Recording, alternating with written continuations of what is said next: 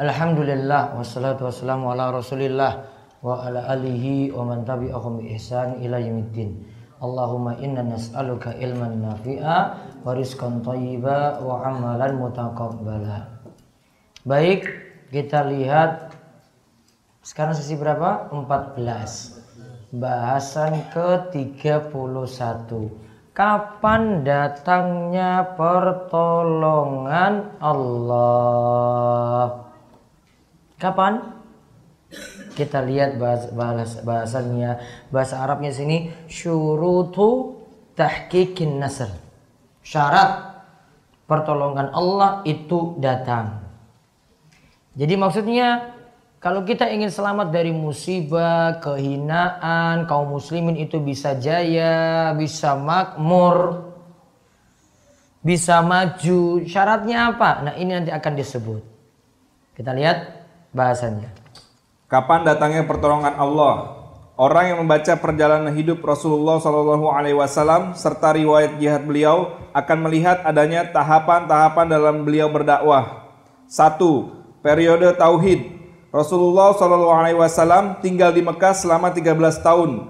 Selama itu, beliau menyeru kaumnya untuk bertauhid dalam beribadah, berdoa, berhukum, serta mengajak mereka untuk memerangi segala bentuk kesyirikan. Hal itu terus beliau lakukan hingga akidah tauhid tertancap kuat dan kokoh di dalam jiwa para sahabatnya dan jadilah mereka para pemberani yang tidak merasa takut kecuali kepada Allah.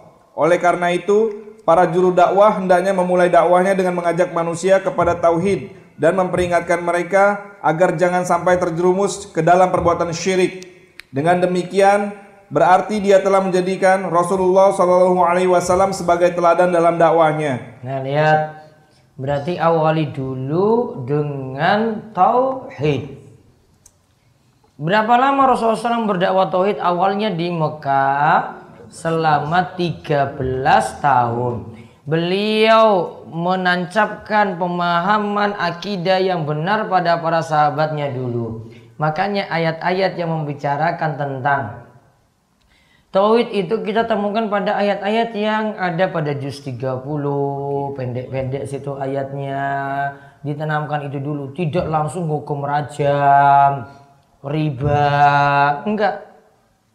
Kalau antum itu langsung bahas riba misalnya, berat enggak itu? Berat.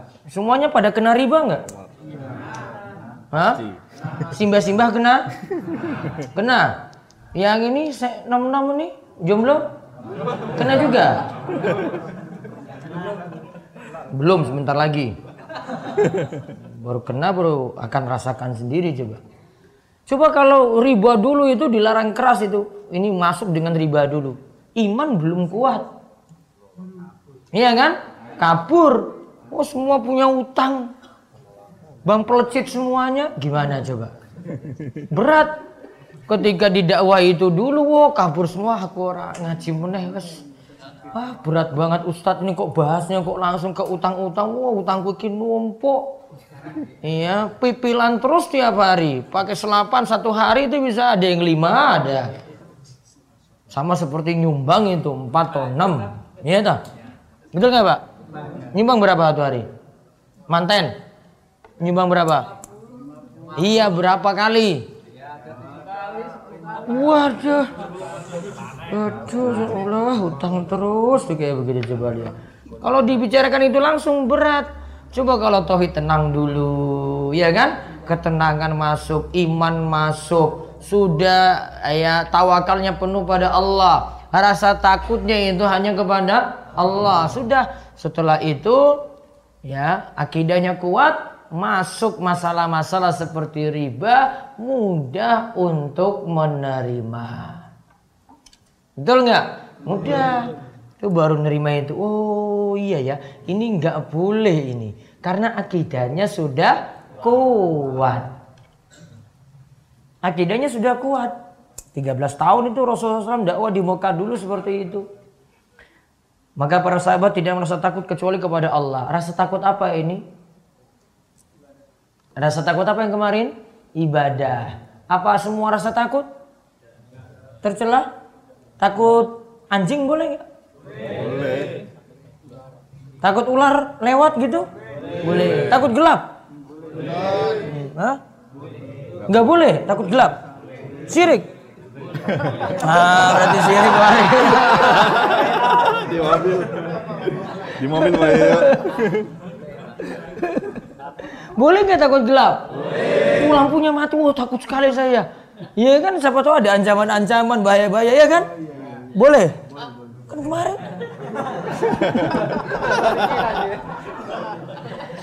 Itu apa namanya? Tobi'i secara tabiatnya boleh. Iya kan? Boleh nggak? Boleh. Takut istri? Enggak boleh. Istri nggak? Enggak boleh. Enggak. HP-nya dimatiin.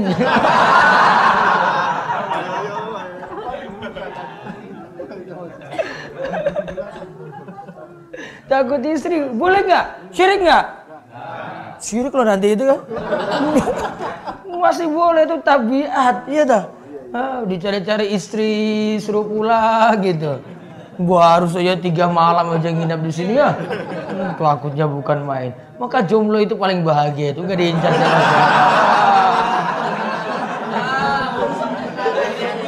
Dicari siapa coba kamu? Ibumu juga nggak mikir kamu ya kan? Pergi aja nggak apa-apa sana makannya gratis kok.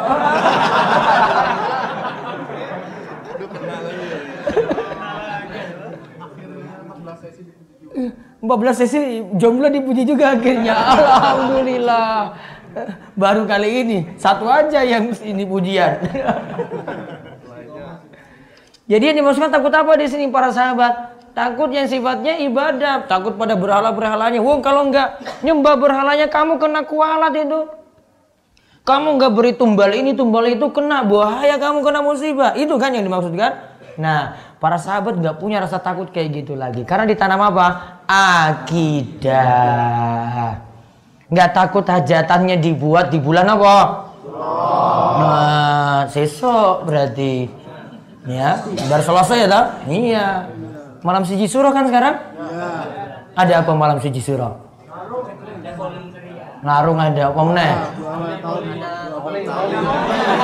Oh, dua awal tahun apa lagi? Oh, final volley nanti malam. malam, malam siji suruh ya. Kamu nekat sekali nih. Pakai baju hijau, nggak takut lagi. Sudah ditanamkan akidah ya kan? Nggak takut kayak begitu. Oh, saya nggak takut itu buat hajatan kayak gini gini gini. Oh, nggak takut. Allah yang menyelamatkan kok. Apa karena pakai baju itu sampai kena ini? Oh, enggak juga. Ini biasa. Ya, makanya kalau jalan-jalan ke pantai nanti sore tak? Iya. Iya. Gak apa-apa hijau. Bilang aja, oh kalau saking DS pak, ya sudah mereka sudah tahu. Oh dia, itu.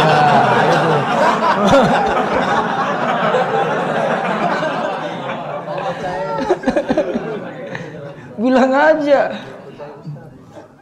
Nanti ke Satosari situ. Itu ada samping masjid itu ada tempat pertapaan itu jangan salah masuk. Tempat pertapaannya itu ngadap kidul itu, ngadap laut apa? Laut kidul. Ada siapa? Nah, itu. Hati-hati salah masuk. Masjidnya di atas. Ya, bukan di bawah. Itu untuk nyaingi di situ. Oh. Jadi akhirnya ditanamkan dulu nggak ada rasa takut kayak gitu. Mau berlayar ke, oh pasrah semua pada Allah mau lakukan hajatan pasrah juga pada Allah mau bersafar pasrahnya juga pada Allah. Oh, nggak takut kayak begitu. Akidah dulu. Jadi akidah itu paling penting. Ditanamkan dulu akidah. Namun memang nggak mesti kita masuk langsung. Oh mau pulang saya mau pulang ke kampung saya. Ini kayaknya banyak maulid maulid nabi. Wah tak bahas biar kau tenang. Biar biar tobat semuanya. Oh jangan dulu pak semua ada tahapan?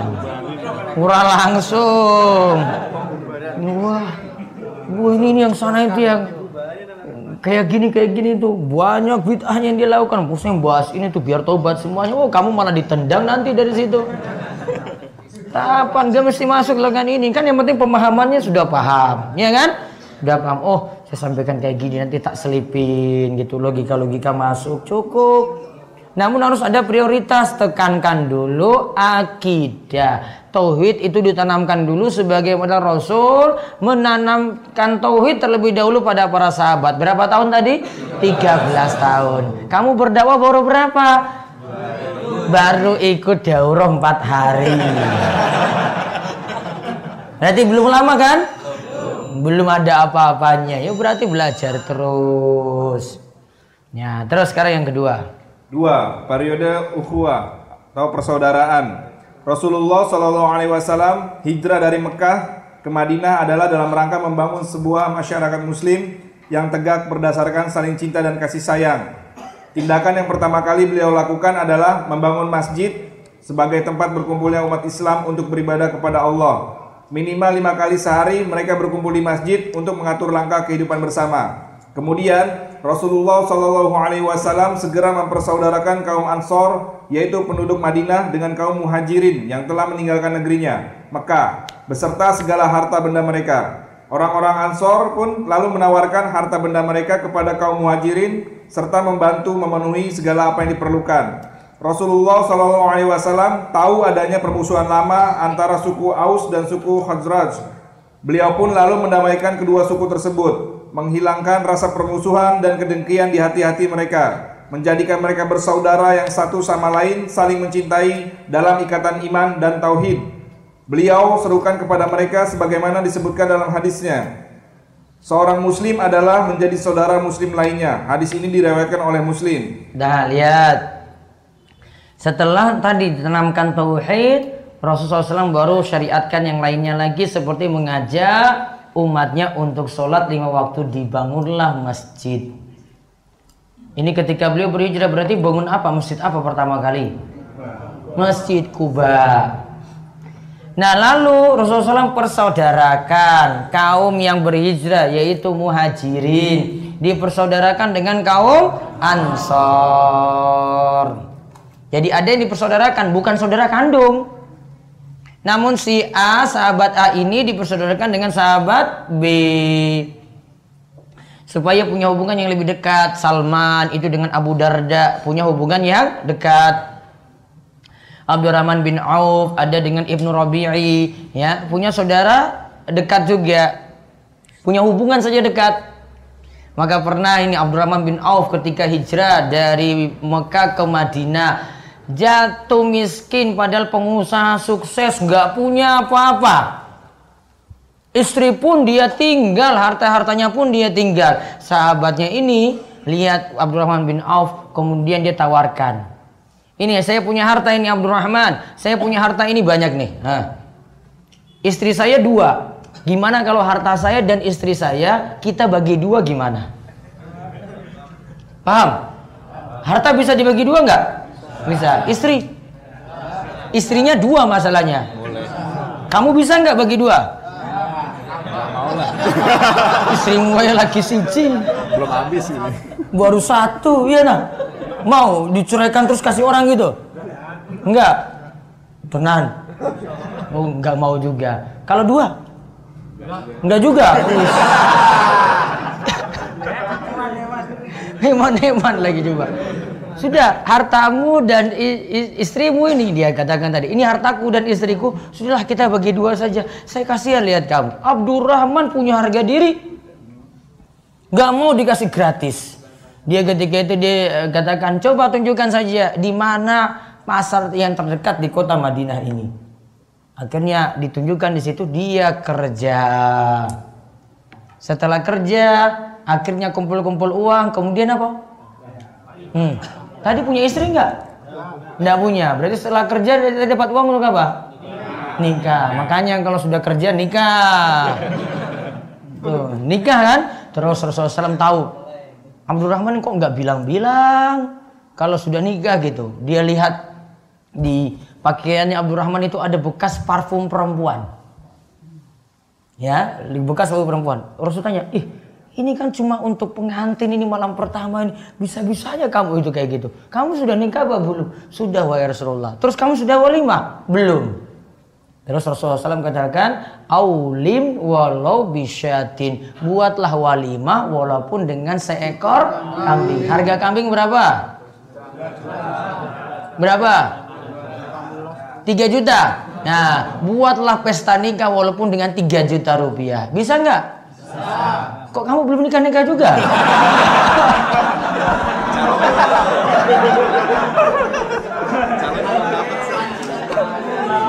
Tiga juta itu lihat. Berapa kambing tadi? Masa nggak bisa? Hah? Oh, uktinya nggak ada. Cari. Nggak cari di pasar. Itu tadi pelajarannya apa dari Abdurrahman bin Auf? Dia dipersaudarakan saudaranya peduli dengan dia itu lihat. Ini makanya tahap berikutnya setelah tauhid dipersaudarakan. Sekarang lihat catatannya lihat. Saling mencintai dalam ikatan iman dan tauhid. Lihat di kalimat-kalimat terakhir itu. Berarti persaudaraan yang benar, persaudaraan di atas iman dan tauhid. Bukan ini jadi pemilik jimat-jimat sakti terus temanan dengan orang yang bertauhid. Oh, enggak. Bukan yang ini sering ke dukun, wah temanan dengan ini, wah enggak.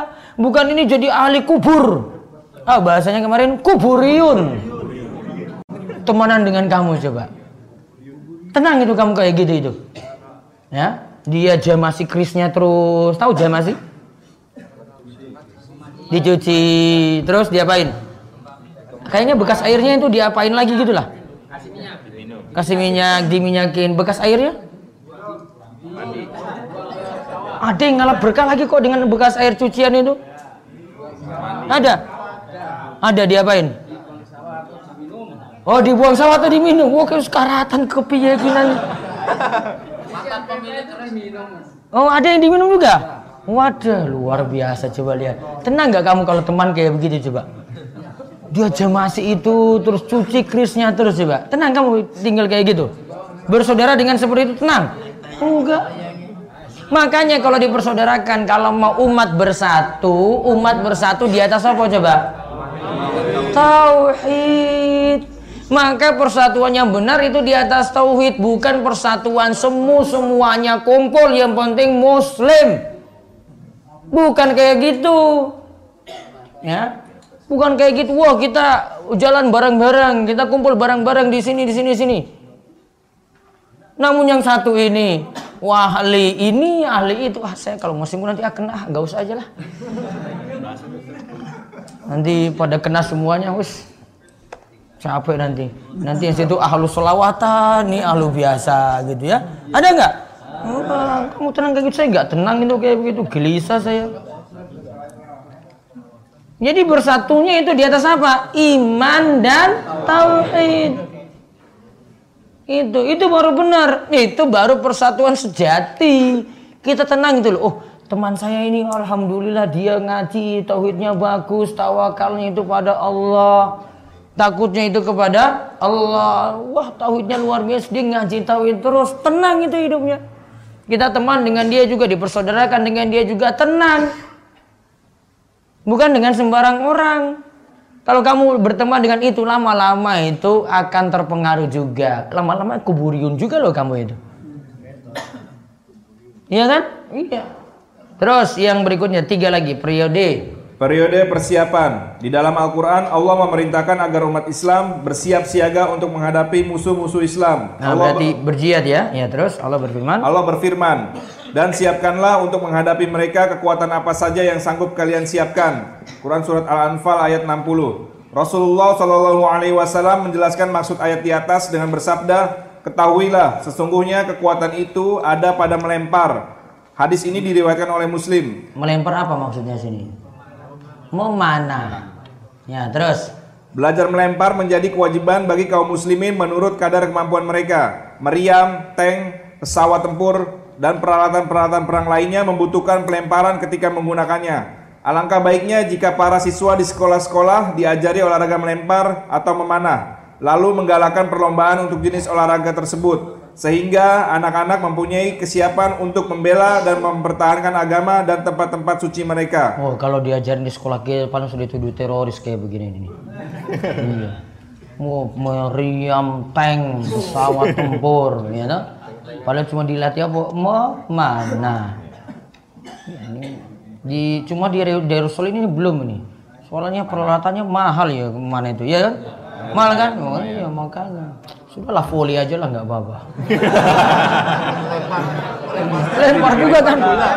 Smash nggak itu? Iya. Kan ada yang anak kecil di Malang itu kan? Wah itu smash itu baru baru anak kecil itu loh, belum yang besar besarnya itu. Saya nggak tahu tadi malam kalau lawan yang besarnya kamu masih ada di situ nggak? Di smash smash terus tuh nanti. Hah? Oh iya Surabaya siap, tunggu aja ya. Terus, namun sayang sekali. Namun sayang sekali, anak-anak kita sekarang ini lebih suka menghabiskan waktunya dengan bermain bola, dengan bertanding ke sana kemari. Mereka pun membuka paha yang sebenarnya termasuk aurat yang harus ditutup rapat dan melalaikan sholat yang semestinya dijaga dengan sebaik-baiknya. Berarti main bola boleh nggak? Boleh. Asalkan apa? Asal Nutup aurat gitu. Juga pakai kaosnya yang biasa-biasa saja, nggak usah lah pakai Messi-Messi kayak gitu. Hah? Messi artinya apa coba? Asia. Messi itu apa? Apa artinya? Juru selamat kan? Juru selamat orang Nasrani apa? Yesus. Hmm, masa Messi masuk masjid? Hmm, Cuma ada kan yang sholat pakai itu kan? Allah Akbar ya Allah Nomor 10 depan Messi lagi ya Allah Sah pertama lagi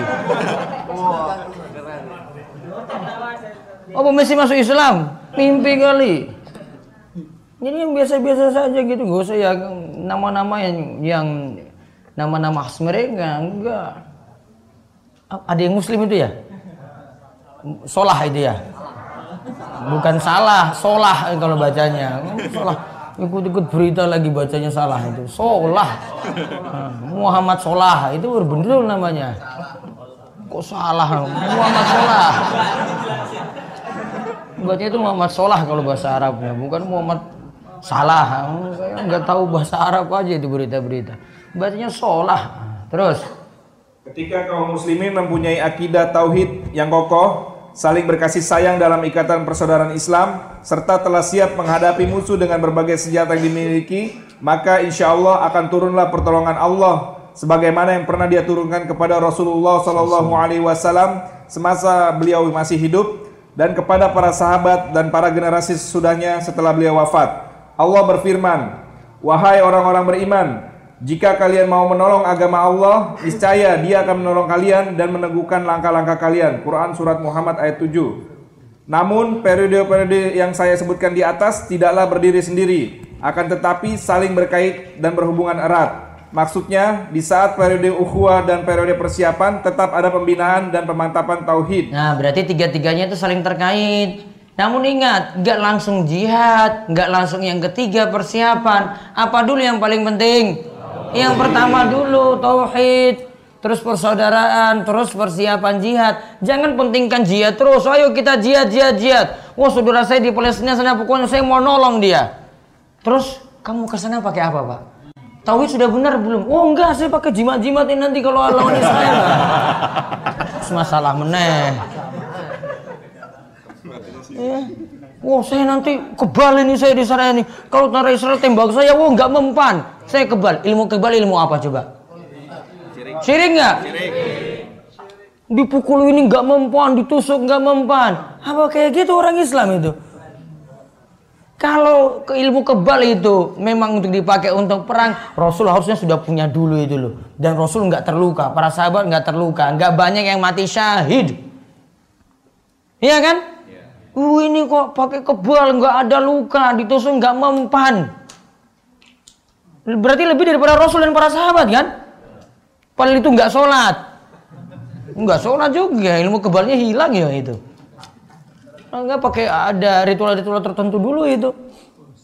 Puasa macam-macam ada pengisian, pengisian apa? Jin. Jin dimasukkan dulu, baru dapat ilmu kebal. Ujung-ujungnya syirik. Maka jangan pentingkan yang nomor tiga, pentingkan apa dulu? Tauhid, luruskan. Berarti ilmu kebalnya dihapus. Dihilangkan. Yang dulu belajar ilmu kebal, tobat. Itu kalau nggak tobat-tobat itu masih ada sesuatu itu di situ. Di rukia. Sebenarnya kalau dia bentengi diri sendiri lama kelamaan itu sudah keluar itu harusnya. Ya, tauhidnya dikencangin biar itu kalah itu jin dalam tubuh. Ya, dulu ada pengisian ada ada karate juga ya kan? Karate apa silat? Silat. Ada pengisian pengisian itu ada. Karate juga ada. Ya Allah. Padahal karate Indonesia menang itu banyak gitu ya. Ini mudah-mudahan nggak pakai pengisian-pengisian itu. Silat juga menang. Penting tauhid dulu. Tauhid beres, persaudaraannya itu jadi kuat, lalu jihadnya nanti jadi menang. Berarti tiga tadi. Namun paling syarat paling penting apa? Bertauhid. Nanti bahasan ketiga dua, pertolongan Allah pasti datang kepada kaum muslimin. Wallahu a'lam bishawab. Bentar saya bahas dulu. Habis ini, habis ini istirahat. 15 menit. Ustadz semasa SMP saya ahli gitar. Banyak yang saya ajari main gitar. Tapi setelah ngaji saya tahu haramnya. Main musik dan saya udah kapok. Namun masih ber, apakah masih berlaku dosa jariah? Oh karena dulu dia ngajarin temannya itu gitar. Padahal saya sendiri sudah tobat main gitar. Berarti ngomong sama temanmu, saya sudah tobat. Saya sarankan kamu juga tobat. Terus gitarnya diapain? Hah? Oh jadiin sapu? Atau jadiin apa lagi? Bisa jadi uh, alat panggang juga taruh di situ ya sate dibakar di situ ya. Rak buku juga bisa. Ya kalau bisa. Kalau enggak ya wes dihancurkan saja. Terus kalau mahal gimana Ustadz iya ngapa makanya resiko tobat kayak gitu. Apakah ikomah juga dijawab? Tidak. Sebagai ulama katakan menjawab namun yang tepat itu tidak. Apa nih pak Oh, saking bawah. Kok bisa jaringan ke bawah itu loh?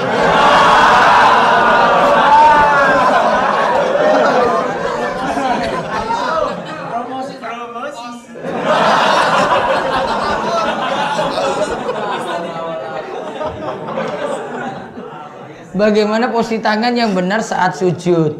Saat sujud kalau untuk laki-laki tangan kau yang tanya berarti dibuka. Kecuali kalau sholat berjamaah ada jamaah kanan kiri. Kalau perempuan saya masih meyakini seperti mazhab Syafi'i tetap dirapatkan karena tidak dibuat terbuka karena ibu-ibu lebih menjaga aurat lebih penting daripada mengerjakan sunnah membuka tangan. Jadi dikalahkan tadi dengan uh, ketika sujud lebih dirapatkan. Apakah boleh mengkiaskan sikat gigi dan siwa saat kita mau sholat kita sikat gigi? Sama-sama tujuannya adalah menghilangkan bau mulut. Tujuan ini tercapai. Namun kayu siwa punya khas tersendiri. Kalau bisa kayu siwa, ke kayu siwa. Kalau tidak ada ya menggunakan pasta gigi dan sikat gigi. Apakah infak hukumnya wajib? Ini umum ya, kata infak itu umum. Yang wajib itu nafkah keluarga, baru setelah itu kalau ada sisa zakat. Apa benar disebut pendusta jika kita menyampaikan semua yang kita dengar? Semua yang kita dengar kita nyampaikan bisa jadi di situ ada berita yang benar, ada yang berita yang salah. Namun kita cerita semuanya. Oh, saya dapat berita kayak gini gini gini gini gini. Namun kalau disampaikan ilmu yang benar semuanya boleh. Namun kalau di situ ada sesuatu yang tidak jelas kemudian disampaikan semuanya, nah ini baru dikatakan pendusta. Apakah benar hukum makan makanan panas itu makruh? Ya memang diperintahkan untuk didinginkan. Kalau makruh ya berarti tidak sampai dosa. Namun paling bagus ya nanti tergantung jenis makanannya. Ya, wallahu alam. Saya pernah menjadi panitia kegiatan sampai saat ini sertifikat kegiatan tersebut masih ada di saya dan saya kesulitan untuk menyalurkannya karena alamatnya kurang jelas. Apakah yang bisa saya lakukan Ustadz? Saya khawatir jika meninggal dunia itu termasuk utang. Saya pernah menjadi panitia kegiatan. Sampai saat ini sertifikat kegiatan tersebut masih ada di saya. Apa maksudnya?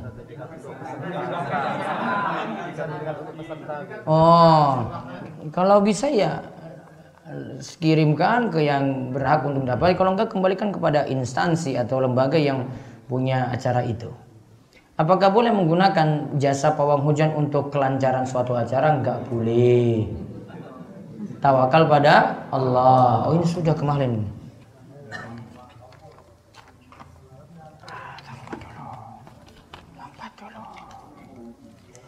Apa yang dimaksud dengan aku mencintaimu karena Allah padahal sama-sama sejenis. Maksudnya mencintai karena Allah berarti mencintai karena iman kepada Allah. Bahasa Arabnya apa? Ini uhibbuka fillah. Cukup sesama jenis laki-laki dengan laki-laki. Kalau dengan perempuan? Kalau sudah halal. Kalau belum? Ini. Saya ingin menikah dan membangun keluarga dari nol. Namun permasalahannya jarang sekali ada akhwat yang mau atau orang tua yang mau minimal ada rumah atau memberi uang secara seserahan yang besar. Bagaimana ini Ustadz? Ya cari yuk akhwat ada yang sederhana kok ngapain cari yang sulit-sulit untuk terima gitu. Ada yang sederhana. Apakah alarm ini termasuk musik? Bolehkah menggunakan alarm? Alarm yang nada musik ditinggalkan. Seperti nada telepon aja kayak gitu sudah cukup. Dalam rekrutmen kerja, ada tes kesehatan yang mana proses pemeriksaan kesehatan adalah membuka kemaluan dan dipegang-pegang oleh dokter. Aduh, kalau saya nggak mau kayak begini. Apakah termasuk hal darurat? Kalau ada pekerjaan yang lebih baik, cari yang lebih baik. Jika kafarat sumpah belum sempat ditunaikan, namun kita keburu wafat, apakah ada efeknya di akhirat? Kalau keluarga tahu kafarat sumpah tadi, baiknya keluarga bayar kafarat sumpah tadi. Kafarat sumpah. Satu, memilih di antara tiga membebaskan satu orang budak memberi makan kepada 10 orang miskin atau memberi pakaian kepada 10 orang miskin kalau ini tidak bisa tiga ini tidak bisa berarti memilih puasa selama tiga hari baiknya ada wasiat seperti ini kalau memang belum ditunaikan. Namun kalau tidak tahu keluarga nggak tahu ya sudah. Berarti nanti jadi amal-amal baiknya nanti untuk nebus kafarotnya tadi. Wallahu a'lam. Satu lagi ya.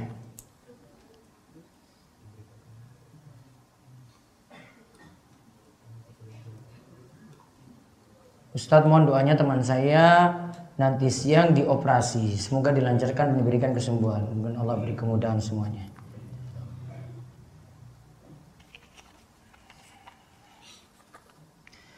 Apa termasuk syirik jika mau menjual tanah warisan dengan meminta izin pada orang tua yang sudah meninggal dengan cara menyebut dalam doa? Enggak perlu. Ya, Bapak Bu saya mohon diizinkan untuk jual tanah ini wong nggak perlu. Itu berarti sudah minta pada orang yang telah meninggal dunia. Pada syaratnya tadi sudah disebutkan. Wallahu alam bisawab. Istirahat dulu sekitar 10-15 menit. Ngeteh dulu kalih ngopi. Baru lanjut lagi. Monggo